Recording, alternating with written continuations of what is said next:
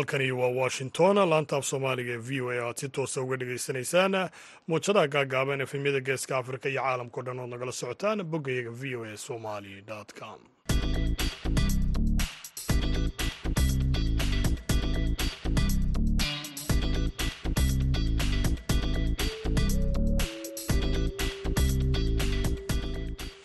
duhur wanaagsan dhammaantiinba dhegaystayaal. Waa salaasa taariikhduna ay tahay labiyo tobanka amaan idhaahdo aan idhaahdo koob tobanka bisha julaay ee sanadka laba kun iyo labiyo labaatan. Haatan saacadda afrikada bari waxay tilmaamaysaa kowdii barhkii duhurnimo idaacadda duhurnimo ee barnaamijka dhallinyarada maantana waxaa halkan idinkala socodsiin doona aniga oo ah cabdixakiin maxamuud shirwac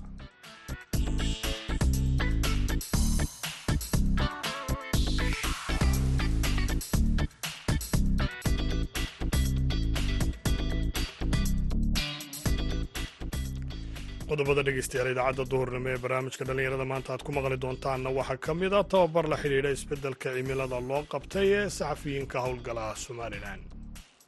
U diyaargarowga warbaahinta oo aad moodo inta badan warbaahinta soomaalidu inay ku mashquulsan yihiin siyaasadda inay ku mashquulsan yihiin waxyaabo kale oo aanay u carbisnayn isbeddelka cimilada.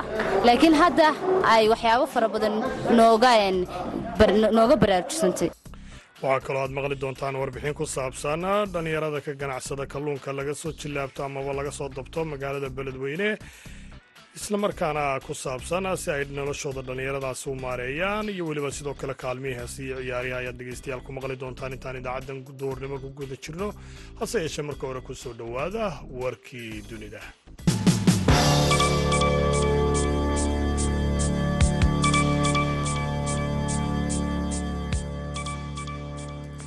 madaxweynaha maraykanka jo biden ayaa maanta aqalkacada ku qaabilaya madaxweynaha mexico andres manuel lopez. Iyadoo ay ka wada hadlayaan arrimaha tahriibka ammaanka iyo weliba dhaqaalaha islamarkaana ay yihiin waxyaabaha ugu muhiimsan ee ajandahooga.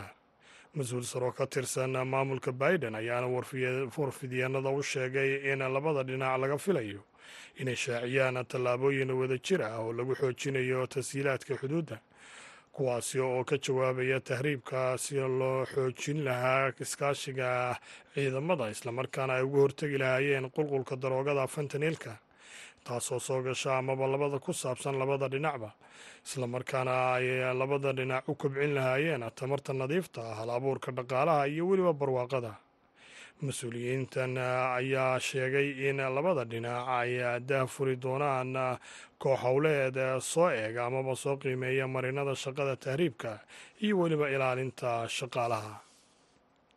Dadka reer jabaan ayaa iyagoo murugeysan maanta macasalaameeyey ra'iisul wasaaroodii hore shinzo abe dad badan ayaana maalin kasta saf u gelayay macbadka sajoji ee magaalada tokyo si ay u keenaan ubaxyo islamarkaana iyo astaamo kale oo ay ku qadarinayaan shinzo abe. Oo maalintii jimcihi aanu soo dhaafnay lagu toogtay magaalada galbeedka dalkaasi ku tale nara. Xilli uu ku guda jiray olole iyadoo dad door ahina ay ka hor baroorteen goobtaasi islamarkaana ay ku dhawaaqayeen duco iyaga oo hortaagan macbadkaasi laga qaadayey qofka shirqoolka ku dilay islamarkaana ku eedeysan shinzo abe ayaa ah tusteya iyo magami oo ah koob iyo afartan jir kaasi oo markiiba la qabtay islamarkaana la xidhay. Kadib markii uu toogtay ra'iisul wasaarahan hore ee dalka jabaan dhegeystayaal warkii dunidana waa naga intaasi u diyaar garooba qaybaha kale idaacadda duhurnimo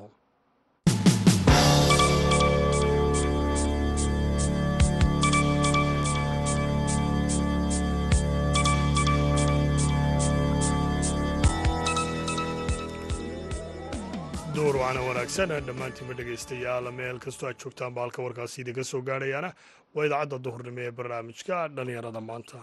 Aan ku bilownay magaalada beledweyne waxaa ku dhaqan dhallinyaro oo ka ganacsada kalluunka laga soo jilaabto amaba laga soo dabto webiga shabeelle ee magaalada dhex mara.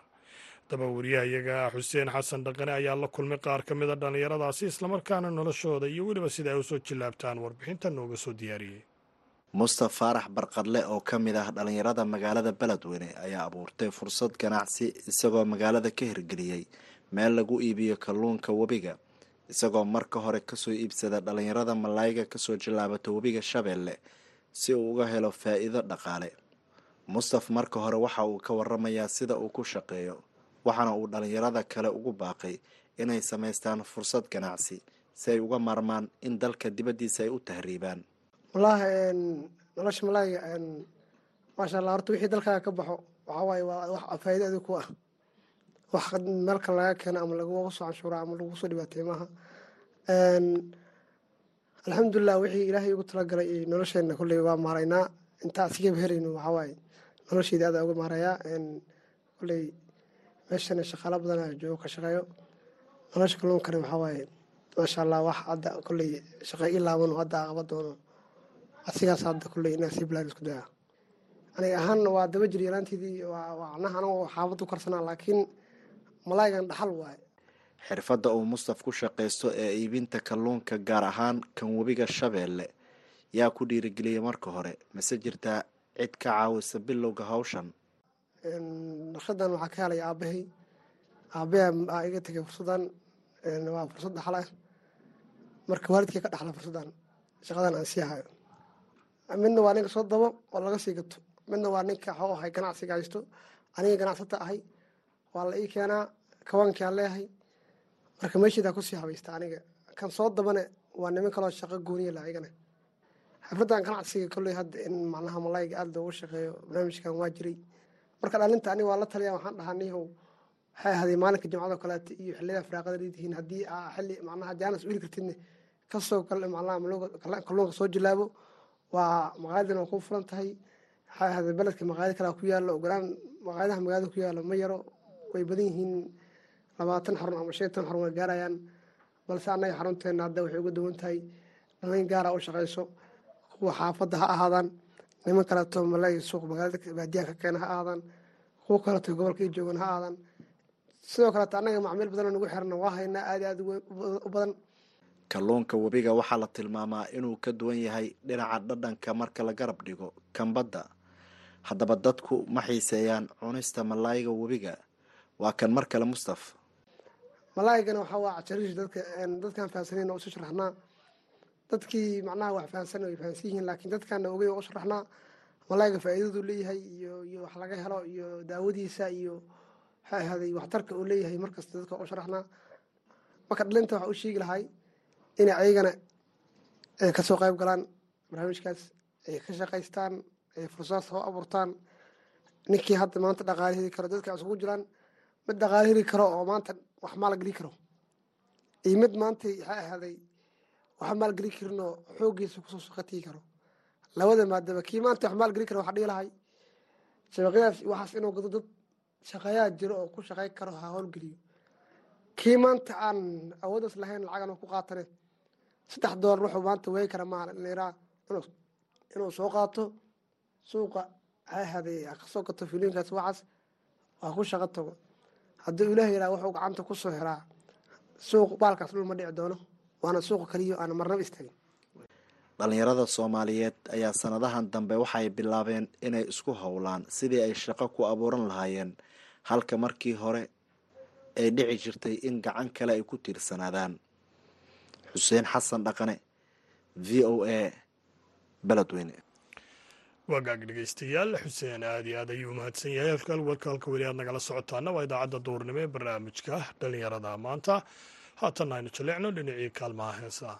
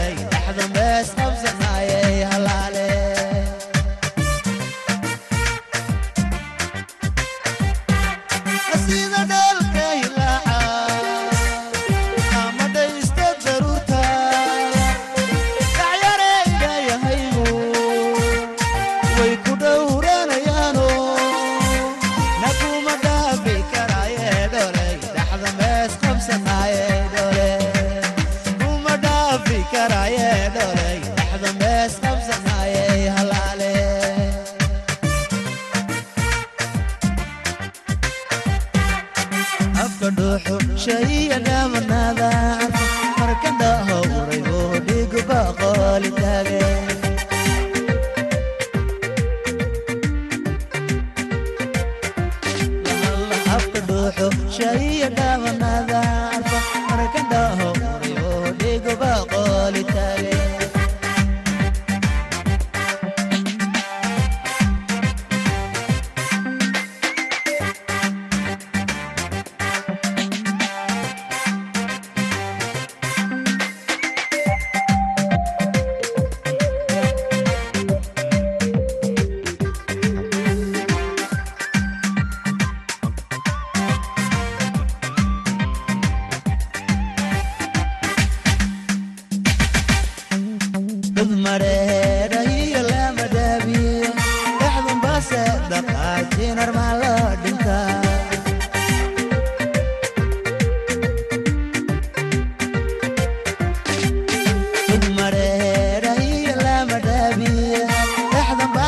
dhexdun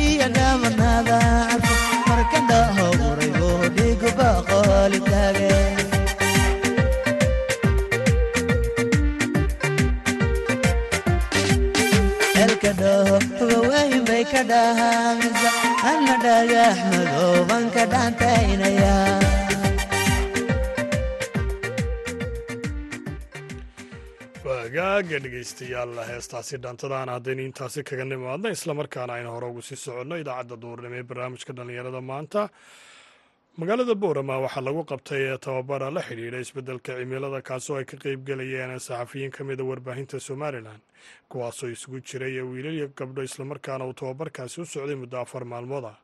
Haddaba gabdhihii ka qeybgelayey tababarkaasi ayaa wariyahayaga haashim sheekh cumar good uu ka waraystay waxyaaba ay ka faa'iideen iyo weliba tababarkaasi waad mahadsantahay haashim. Magacayga waa xamdi xayaad. Waxaan ka shaqeeyaa midiya cadaadeeg aad baan ugu faraxsanahay inaan ka qayb noqdo tababarka isbeddelka cimilada.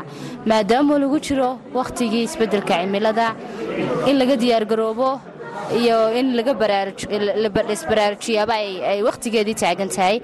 Waan u mahad celinayaa macallimiintiina barayey iyo sidoo kale maxaa dhahdaa dadka wakhtiga ku lumiyey ee nala qaatay wakhtiga aad baan ugu faraxsanahay inaan ka qayb noqday waxyaabo fara badan oo isbeddelana insha allah waad naga arki doontaa wax badanna waan ka faa'iiday. Maxaad ka faa'iiday ee ka mid a waxyaabahaad ka faa'iiday tababarka? Waxaa ka mid ah waxyaabahan ka faa'iiday haashimow u diyaargarowga warbaahinta oo aad moodo inta badan warbaahinta soomaalidu inay ku mashquulsan yihiin siyaasadda inay ku mashquulsan yihiin waxyaabo kale oo aanay u carbisnayn isbeddelka cimilada. Laakiin hadda ay waxyaabo fara badan nooga baraarujsantay bismillaah magacaygu waa suuban. Tababarkan horta aad iyo aad baan ugu mahadnaqaynaa. Cid kastoo qabatiyo cid kastoo ka telefishinka saamaan ka socda anigu. Tababarkan si guud waxaan uga faa'iidnay miidiyaha iyo weliba sidoo kale siday miidiyuhu ula jaan lahaayeen isbeddelka cimilada. Taasi oo ah xaalad hadda taagan islamarkaana munaasaba inay miidiyuhu fox ka saaraan. Waxyaabaha kalena ay ka soo leexiyaan diiradda oo ay taas ay xoojiyaan ka hadalkeeda iyo weliba sidoo kale ka warqabkeeda maadaama ay tahay xaalad muhiima oo bulshadana u muhiima. Waad mahadsan tahay. Magacayga waa sagal guure. Waxaan ka socdaa bulsha t v. Tababarkan waxaan ka faa'iiday haashimo ugu muhiimsan baa waxay tahay. Waxaa laynagu baraayey sidii looga warrami lahaa isbeddelka cimilada runtii anigu somalilan intii aan joogay intii aan joogay yaran intii aan wariye ahaa maan gelinba ama kamaan qayb qaadan tababar ku saabsan kalimajajka marka waxyaabaha ugu muhiimsan waxay ahayd inaan baranno bal sidaan uga warrami lahayn ama aan u soo bandhigi lahayn maxaa dhahdaye cimilada isbedbedelka inuu ku yimaado. Saynu ognahay baryahan dambe weliba cimiladu way sidii hore maaha way isbedeshaa marka maadaama ina hore u arki jirin oo imika qoladan igbad ay inoo keentay waxaan leenahay waad mahadsantihiin. Waxyaabaha ugu muhiimsanaan ka faa'iidana waxay ahayd un inaan bal dee ka warrami karno.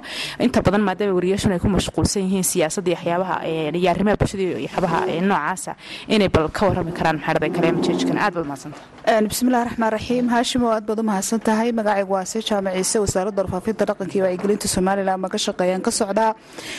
Tababarka waxyaaba badan baan ka faa'iiday oo lagaga hadlayay isbeddelka cimilada iyo ka waranka deegaanka. Deegaanku wuxuu ka mid yahay waxyaabaha lafdhabarka waa nolosheenna deegaan la'aan aynan noolaan karin taasina ay muhiim tahay inaynu ku tababarano aynu ku baraarugsanaano sidaynu deegaankeena aynu u lahayn.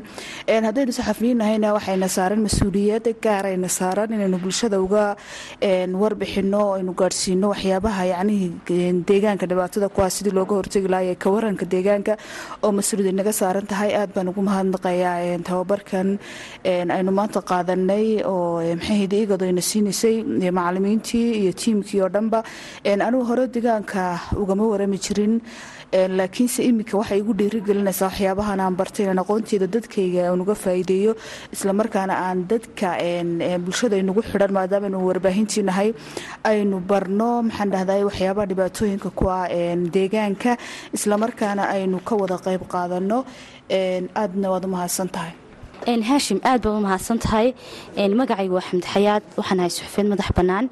Waan ku faraxsanahay tababarka isbeddelka cimilada inaan qayb ka ahaa. Sidoo kale waxaan ku faraxsanahay inaan berito ka maalin warbixino ka soo samayn doono isbeddelka cimilada iyadoo lagu jiro wakhtigeedii. Xamda waxyaabahaad ka faa'iiday maxaa ka mid a tababarkan? Markii kuugu horreeyeyba mise waa markii labaad ee tababar noocan oo kale aad ka qayb qaadatay haashimo waa markii labaad ka qayb qaato sannadkii hore. Haddana waxay tahay markii labaad jaanis labaad baan helay.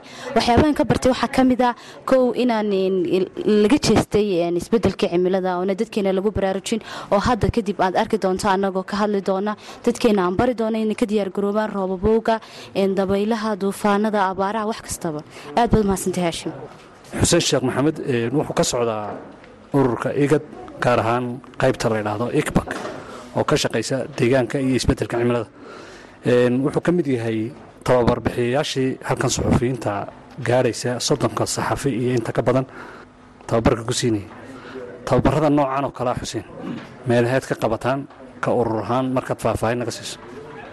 Aashimaad mahadsantahay tababarradan kale waxaan ka qabanaa deegaanada soomaalidu ay degto adugu somalilan puntland soomaaliya hirshabeelle galmudug waxaan tababarnaa wariyayaasha marka waxaan muhiim u aragnay arima wariyayaashu inay macnihii aqoon u yeeshaan ka warbixinta arrimaha isbeddelka cimilada iyo deegaanka. Marka waxaan la yidhaha climate reporting ama climate change reporting. Saxaafadda wariyayaasha waxaa lagu tababarayaa inay macni bartaan ereybixinta terminolojiga lagaga warramayo isbeddelka cimilada. Markaa sida ay uga warramaan sida si leeg sida siyaasadda ay uga warramaan inay uga warramaan isbeddelka cimilada. Taasina waxay u saamaxaysaa wariyayaashii inay macnihii khibrad iyo waayagnimo u yeeshaan ka warbixinta arrimahaas. Si guud xarunteedan igad ee ka shaqaysa isbeddelka cimiladu dee wariyayaal tababartaa geeska africa oo dhan uganda kenya suudan south suudan meelo badan. Marka idiguna dee qaybun baad ka tihiin kuwaas. Taasi marka waxay fursad wariyayaasha u siinaysaa inay aqoontaas helaan anay ka warbixiyaan sidii loo baahnaa. Isbeddelka cimiladu dee noloshii bulshadu saameeyey dadkii uu saameeyey xoolihii buu saameeyey abaari baa soo noqnoqonaya. Markaa waxaan rabnaa oon jecelnahay inay siiyaan macnihii miisaan ama awood iyo wakhti ay kaga warbixiyaan waxaasoo dhan. Taasina waxay markaa u baahan tahay in dee awooddooda aqooneed kor loo qaado waad xasuusataa wariyayaal aan halkan ka qaadnay oo adigu ka mid ahayd inaan ilaa adhisaabo ku soo tababarnay mar hore. Markaa saasay u soconaysaa ilaa inta macnihii aan isleenahay dee aqoonta aad kor ugu qaadi kartaan wariyayaasha kuwaasi waxay kala ahaayeen wariyayaal ka kala socday warbaahinta somalilan oo lagu tababarayay tebinta xaaladda isbeddelka cimilada iyo laqabsiga dadka xoolodhaqata beeraleyda ah wuxuuna ka qabsoomay magaalada hargeysa. Tababarkaasi oo ay soo qabanqaabiyeen ururka igad qaybta ka shaqaysa isbeddelka cimilada iyo saadaasha hawada ee ikbak xaashim sheekh cumar good v o a boorama waagaag dhegeystayaal haashim aad iyo aad ayuu mahadsan yahay. Gabagabada idaacadda duhurnameen ku dhownaya qodob iyo laba ka mida wararka adduunka ugu waaweynaa aan idin guud maro. Madaxweynaha maraykanka jo biden ayaa maanta aqalkacada ku qaabilaya madaxweynaha mexico andres manuel lobes iyadoo arrimaha tahriibka ammaanka iyo dhaqaaluhuna ay yihiin waxyaabaha ugu muhiimsan ee ajandahooga mas'uul sar oo ka tirsana maamulka biden ayaana warfidyeenada u sheegay in labada dhinac laga filayo inay shaaciyaan tallaabooyin wada jira oo lagu xoojinayo tasiilaadka xuduudda kuwaasoo ka jawaabaya tahriibka islamarkaana sidii loo xoojin lahaa iskaashiga ciidamada si ay uga hortagaan qulqulka daroogada fantaniinka ee labada dal islamarkaana loo kobcin lahaa tamarta nadiifta ah hal abuurka dhaqaalaha iyo weliba barwaaqada. Mas'uuliyiinta ayaa sheegay in labada dhinac ay dah furi doonaan koox howleed si ay u soo eegaan marinada shaqada tahriibka iyo weliba ilaalinta shaqaalaha dhinaca kalena dadka reer jabaan ayaa iyagoo murugaysan maanta macasalaameeyey ra'iisul wasaare ogii hore shinzo abe. Dad badan ayaa maalin kasta saf u gelayay macbadkaasi georgia ee magaalada tokiyo ku yaalla si ay u keenaan ubaxyo islamarkaana iyo sidoo kale astaamo kale oo ay ku qadarinayaan shinzo abe. Oo jimcihi aynu soo dhaafnay lagu toogtay magaalada galbeedka dalkaasi ku taalee naara xilli uu ku guda jiray olole iyadoo dood dad kala duwana ay halkaasi ka hor baroorteen islamarkaana ay ku dhawaaqayeen eraya ducaah si ay halkaasi ugu weyneeyaan macbadkaasi laga qaadayay ra'iisul wasaarooga hore. Qofka sharqoolka lagu eedeeyey lagu khaarajiyey shinzo abe ayaa ah tastuya yamagami oo ah koob iyo afartan jir taasoo keenay islamarkaana markiiba la qabtay islamarkaana xabsiga loo taxaabay markii uu toogashada geystay. Islamarkaana uu ku dilay magaaladaasi ra'iisul wasaarihii hore dalkaasi jabaan haatana dhegeystayaal aynu jalleecno dhinacii kaalmaha heesaha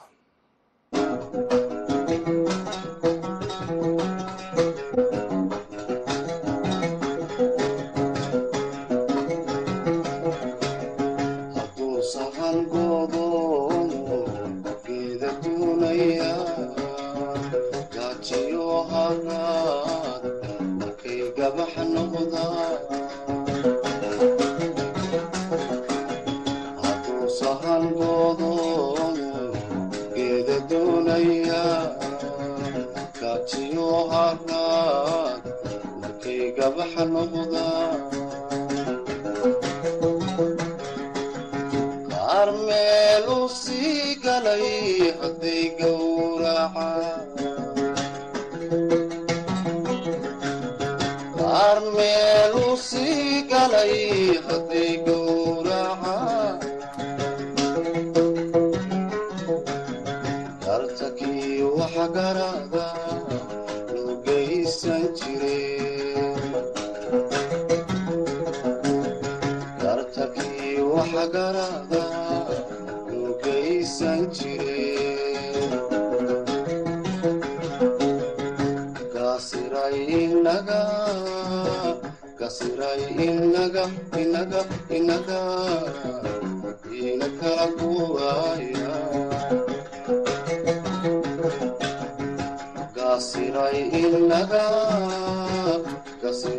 inaga inaga inaga kala buuraayo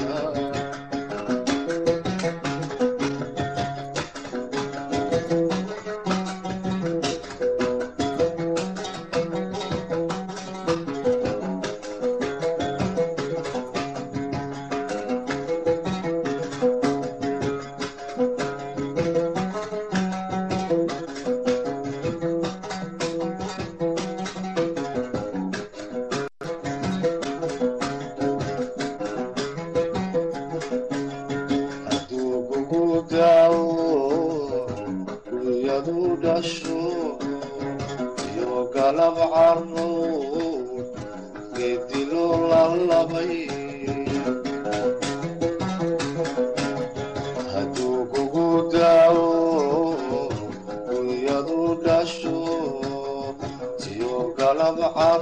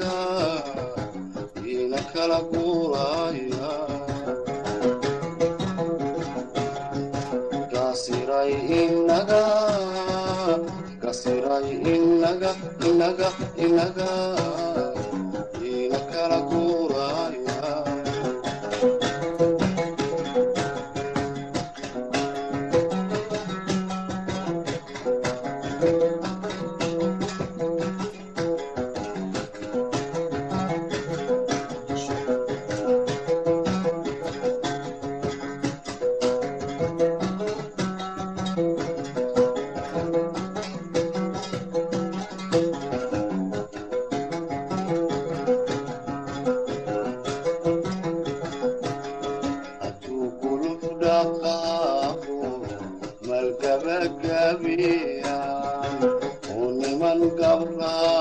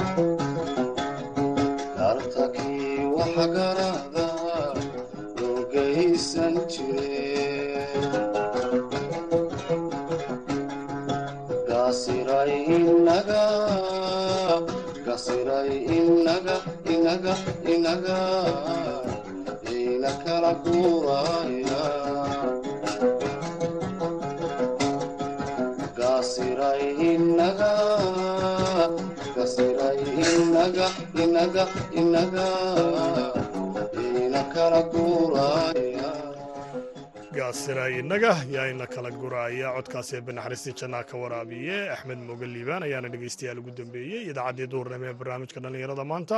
Tan iyo kulanti dambe waxaanu idin leenahay sidaayo nabadgelyo.